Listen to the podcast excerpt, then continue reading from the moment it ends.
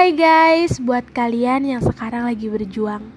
Untuk orang yang disayang atau buat kamu nih Yang sekarang lagi bersusah payah untuk kembali merebut hati yang dicinta. Semangat.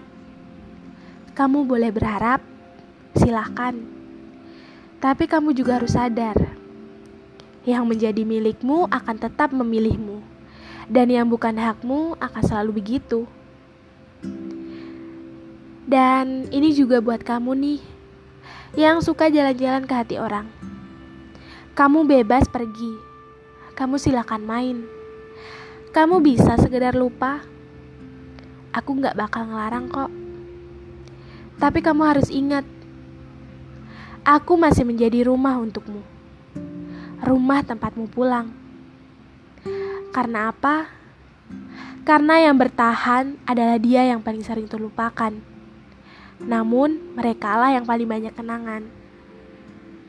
Dan mencintailah dahulu sebelum dicintai. Karena mencintai itu kewajiban dan dicintai itu hanya bonus. Tetap semangat, meski hati sering terluka.